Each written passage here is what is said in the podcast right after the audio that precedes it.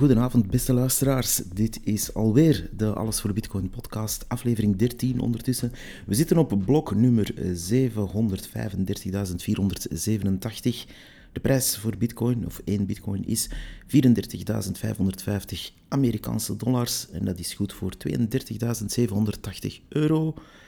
Um, en dat staat voor uh, ja, een theoretische waarde van 7126 Big Macs. Uh, de intro music, want inderdaad, we hebben een intro music ergens vandaan gehaald, uh, komt van Dan Brasco. Voor, uh, dank u voor de royalty-free music of intro. Vandaag gaan we het over enkele onderwerpen hebben in deze korte aflevering. er komt een drukke week aan, zowel voor mij als voor heel veel mensen, denk ik. Midden mei is een drukke periode. En daarom dacht ik, weten, we gaan nog een extra aflevering er tegenaan gooien.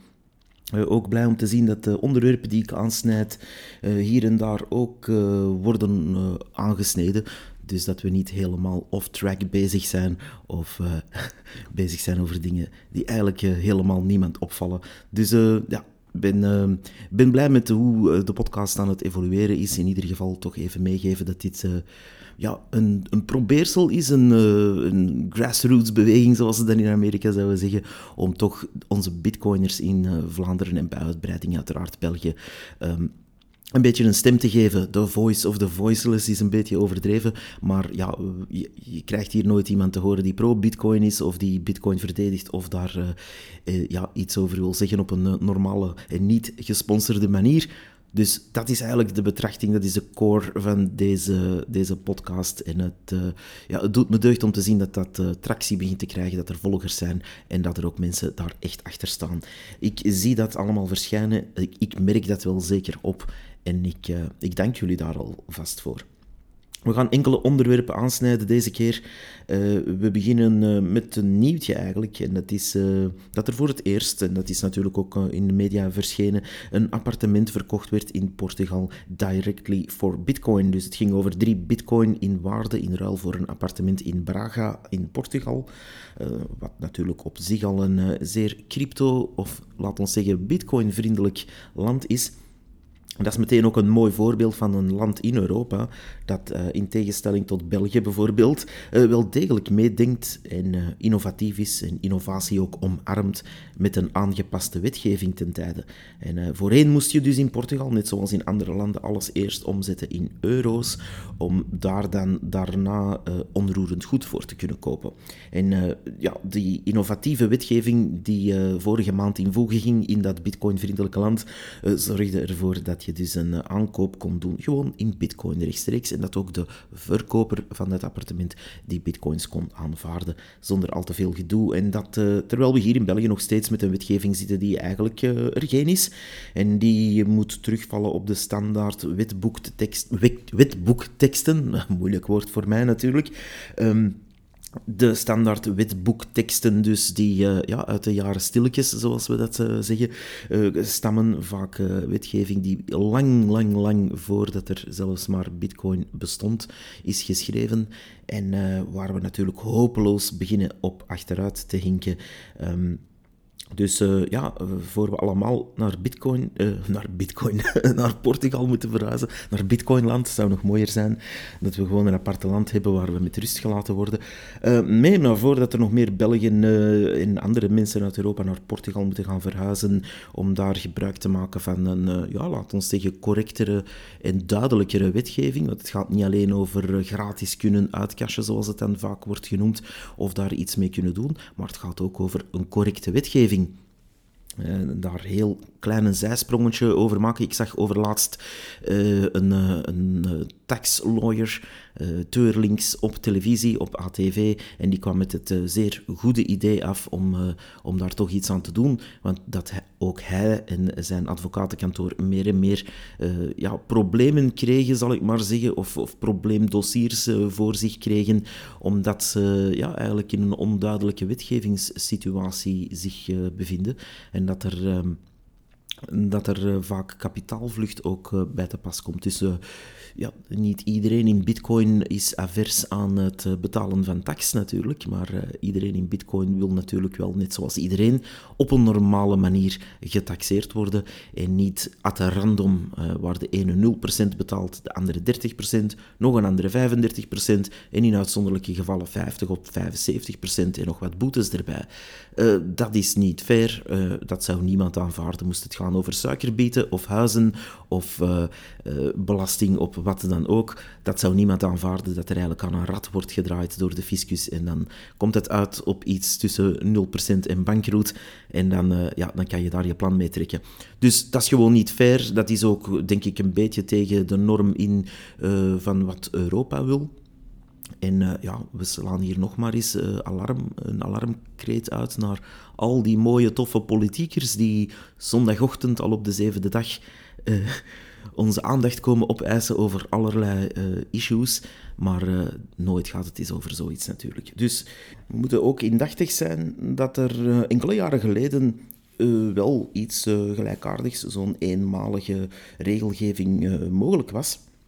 En zeker wanneer we dus zien dat we zelfs voor puur zwart geld destijds door de voltallige regering een wet erdoor geduwd kregen een paar tegenstemmers uiteraard, maar eh, de grote meerderheid was voor, inclusief socialisten trouwens, om een eh, fiscale amnestiewet goed te keuren. En eh, deze fiscale amnestiewet zorgde ervoor dat puur zwarte geld van, ja, laten we zeggen, grote belastingontwijkers, zullen we dan maar zeggen, tegen 6 dus tegen 6% kon geregulariseerd worden en dus eigenlijk door de staat terug wit werd verklaard. Dat was enige jaren geleden mogelijk. Als we dan nu zien uh, wat er met crypto gebeurt, waar men gewoon de oogkleppen opzet en wegkijkt en denkt het zal zichzelf wel oplossen, uh, ja, is dat natuurlijk een, een zware vergissing in mijn opinie.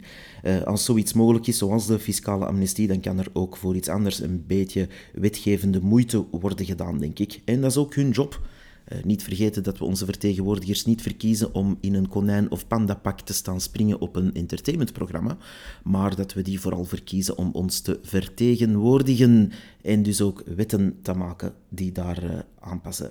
En dat kan met een wetgeving uh, die misschien dus eenmalig innovatie omarmt en mensen op een normale manier gaat belasten. Dus maar ja, intussen gaat men door met zoveel mogelijk mensen te blijven bang maken van heel deze sector. En uh, vervolgens een halfbakken wetgeving waarschijnlijk ooit eens goed te keuren om nog meer mensen weg te jagen. Want dat is waar we momenteel los naartoe gaan. Zeker als we kijken uh, hoe diezelfde partijen die ons zogezegd besturen zich gedragen in het Europese parlement en in allerlei Europese commissies. Maar daar hebben we het al vaak genoeg over gehad. Ik zie ook geen enkele politieker hier dus uh, iets over zeggen of het voortouw hierin nemen. Um, fut verspreiden is natuurlijk gemakkelijker, maar uh, in realiteit eerst eens iets erkennen, een probleem bijvoorbeeld erkennen of een uh, evolutie erkennen en dan daarover leren, de wetgeving aanpassen, dat is iets anders. Wetten zijn er om een evolutie te volgen en om de mensen te dienen en de maatschappij in goede banen te leiden, denk ik. Waarom hebben we anders nog een overheid nodig? Dan kunnen we gewoon in de anarchie alles zelf regelen. Dan hebben we die mensen in hun maatpakjes niet meer nodig. Dus uh, ja, doe uw job, zou ik zeggen. En uh, dan kan iets evolueren. Wanneer er bijvoorbeeld nieuwe technologie opduikt uh, in de fintech, ja, dan hinken we hier weer vijf tot tien jaar achterop. hetzelfde hebben we ook gezien bij de introductie van de online businesses, de webshops. Uh, daar hebben wij ook de kaas van ons brood laten eten door het buitenland. Meer bepaald Nederland en uh, Amerika, maar goed. Uh, en men herhaalt hetzelfde hier opnieuw in de crypto space. Men zit daar gewoon bij en men kijkt ernaar. Terwijl men bezig is over ja, pietluttigheden, in mijn opinie. Um, nu goed, uh, beste politici, kom eindelijk eens uit de jaren 70, zou ik zeggen. Dat is nodig. laat vooral niet-wits die uh, uh, van bepaalde grote partijen komen, niet meer gewoon wat one-liners rondstrooien in zaken crypto en bitcoin, maar laat ze eens deftig inwerken en inlezen. En niet de verhaaltjes van een paar altcoin-projecten herhalen of nabrabbelen in de EU-commissies. Of nog erger, de Nederlandse Centrale Bank naapen en nazeggen, die hun manier van de boel te belasten glazen natuurlijk ook weer blijven propageren. Dus denk eens zelf, doe iets, leer erover en volg vooral niet DNB, de Nederlandse Centrale Bank, want dat, ja... Daar gaan we eventjes niet op in, maar die hebben de laatste tijd ook wel enkele zeer dodgy dingen gezegd en gedaan. Het tweede nieuwtje, buiten dat uh, appartementen dus in Portugal, gaat over Luna en uh, de UST stablecoin.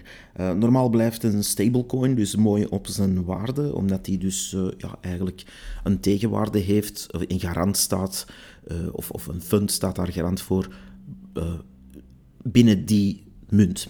bijvoorbeeld wanneer je een stablecoin hebt die uh, gelijk loopt met de Amerikaanse dollar, dan zou één zo'n munt gelijk moeten zijn aan 1 dollar ten allen tijde. Uh, dat kan heel, heel kort kleine schommelingen uh, hebben natuurlijk, omdat er ook een markt op draait. Maar dat wordt dan meteen gecorrigeerd door aankoop of verkoop van assets of door andere, ja, laten we zeggen, e-, eerder monetaire trucjes. Uh, Luna is een token en uh, daar zit dat anders in elkaar. Dus uh, in tegenstelling tot wat bij USDC bijvoorbeeld gebeurt, uh, gaat Luna anders te werk. Dus in tegenstelling tot andere stablecoins gaan zij ook een samenstelling doen van een aantal assets als onderbouw voor die stablecoin. Uh, op zich. Dus UST wordt gebacked door iets anders. Je hebt dat ook uh, in het Ethereum-universum. Uh, daar is het een DAI, D-A-I, geschreven. Niet DAI, maar dat zal het misschien ooit wel doen, maar DAI-token, waar je dus ook een, een hele wire aan andere ja, tokens en ERC20-gedoe um, gaat hebben, dat die stablecoin moet ondersteunen. Dus uh, ze zijn bij Luna een soortgelijk iets aan het doen. En de CEO van Luna, een zekere Do Kwan, die uh, meldde eerst op Twitter dat er dus een soort van aanval was aan het gebeuren op die stablecoin, omdat ze die onderuit wilden halen. Wie ze dan precies is, is uh, vrij onduidelijk. Maar... Um, wat er dus op neerkwam, dat hij dat niet alleen een aanval begon te noemen, maar dat er dus de recente dagen een prijsdaling is geweest als gevolg van die aanval. Eh, aanval was niet van technische aard, maar eerder puur op tradingniveau. En in tegenstelling eh, tot USDC gaat UST samen met andere stablecoins, zoals EUT voor de euro-versie daarvan, um, allemaal onderpind worden door dat Luna-token die op hun beurt dus weer ondersteund is door het Luna Fund, waaronder weer andere zaken zitten zoals dollars, bitcoin, ethereum en zo verder. Dus uh, voor veel mensen binnen de bitcoin-wereld wordt dat eigenlijk als uh, vrij waanzinnig uh, beschouwd. Een stablecoin is op zich wel nuttig. Uh, zeker wanneer je een trader bent, kan ik mij voorstellen dat je op bepaalde momenten niet meteen naar dollar wilt gaan of naar euro wil gaan, maar wel naar een stablecoin die die waarde van de euro of de dollar gaat perfect of zo perfect mogelijk volgen. Dat heeft op zich wel nut in dat wereldje dan weer. Maar ehm, ja, het is natuurlijk wel zo dat de stabiliteit van zo'n coin zeer belangrijk is. En wanneer je dat niet gaat onderpinnen met en onderbouwen met uh, een one-op-one aanwezig zijn van die dollars of die euro's, ja, uh, eh, 1000 USD. C zou dus ook 1000 dollar moeten zijn ergens in een kluis, bij wijze van spreken. Maar UST uh, is blijkbaar niet uh, op die manier opgebouwd. Dat is natuurlijk, je hoort dat van ver aankomen, eh, om problemen vragen. En um, ja, de daling die er gebeurde kan zijn eh, effecten hebben. Want uh, zo kwam het dus dat eigenlijk die daling de jongste dagen naar zelfs 0,992 dollar ging. Uh, wat voor een stablecoin dus eigenlijk uh, vrij ongezond kan genoemd worden. Zeker wanneer dat gebeurt op enkele uren tijd. het is niet een, een, een, daling die zeer stelselmatig kwam. Het toont vooral dat de massale aankopen van Luna, met name van grote aantallen bitcoin in hun fund, de stabiliteit niet verder heeft kunnen ondersteunen. En dat dus ja, traders verschillen beginnen te zien en daar verliezen ook op uh, pakken. Want als het over enorme bedragen gaat, ja, dan is een, uh, een, een tiende van een procent al heel veel natuurlijk. En een honderdste van een procent tot een tiende van een procent, daar zitten die schommelingen. Dat is uh, niet zo oké. Dus dit kort gezegd, uh, er waren dus mensen op die schommelingen aan het spelen. Wat natuurlijk absoluut niet de bedoeling is voor een stablecoin. Want dat is hetzelfde dan zeggen, ah, ik koop 1 dollar en ik ga wachten tot de dollarprijs uh, meer of minder wordt en dan verkoop ik die dollar terug voor dollars. Dat heeft geen zin, want een dollar blijft altijd 1 dollar. Afhankelijk van de koopkracht natuurlijk kan je daar nog andere waarden aan geven, maar op zich blijft die dollar een dollar, net zoals één bitcoin ook altijd één bitcoin blijft. Maar natuurlijk, wanneer je een, uh, een UST-token koopt en je ziet dat uw dollar meteen uh, ja, een klein beetje waarde afgeeft, for real, uh, in de omruiling, ja, dan, dan heb je natuurlijk problemen. Een twitteraar onder de naam Mudit Gupta, die somde het heel mooi op. eerst ging Terraform Labs een 150 miljoen UST aan liquidity uh, gaan dumpen.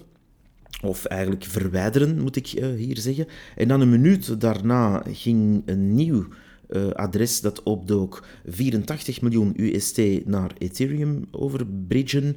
En dan vier minuten daarna dumpte dat adres die UST om dan een, ja, een grotere cel of te gaan uh, veroorzaken.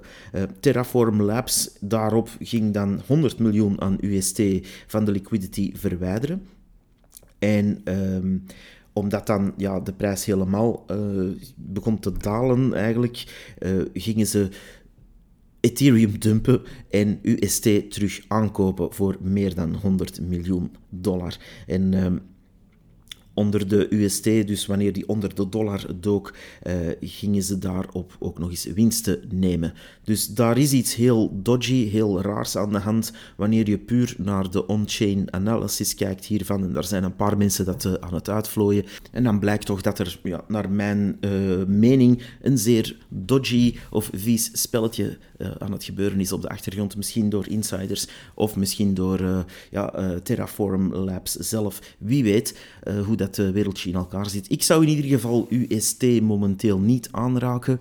Um, dat, of u nu een trader bent of om andere redenen die uh, stablecoins nodig hebt, denk ik dat binnen dat wereldje of binnen die keuzes die je hebt, USDC nog steeds ja, een, een goede optie is. Maar wat is goed?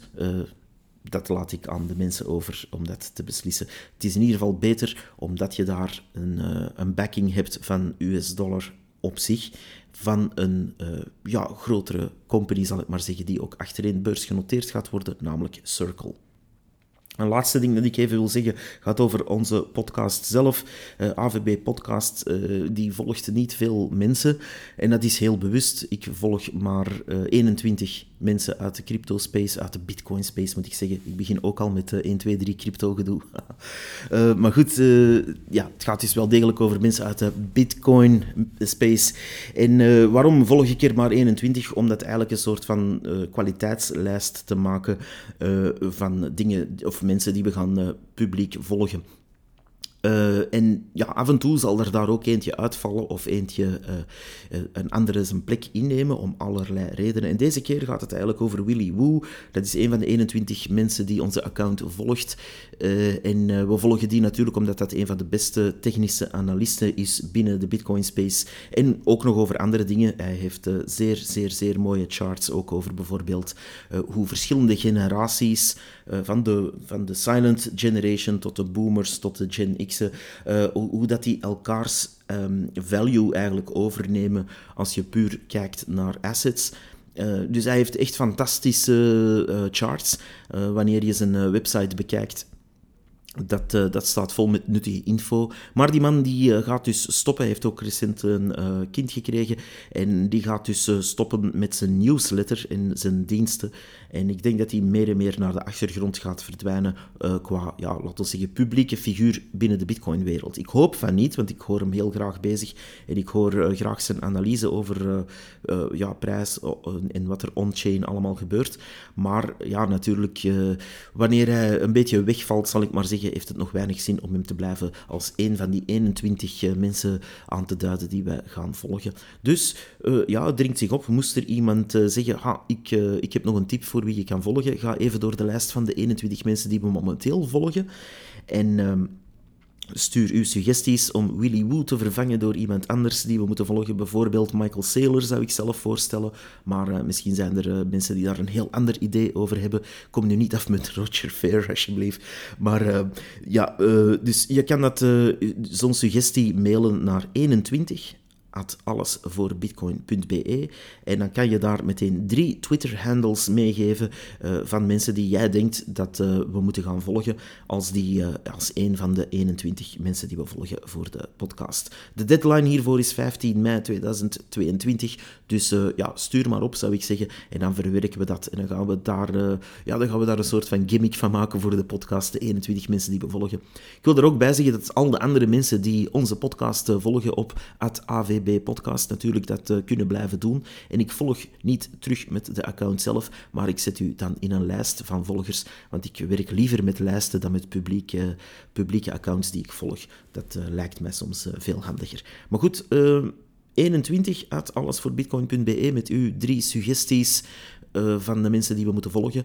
En natuurlijk, andere suggesties zijn ook welkom. We hebben al pakken werk klaar liggen op de to-do-list.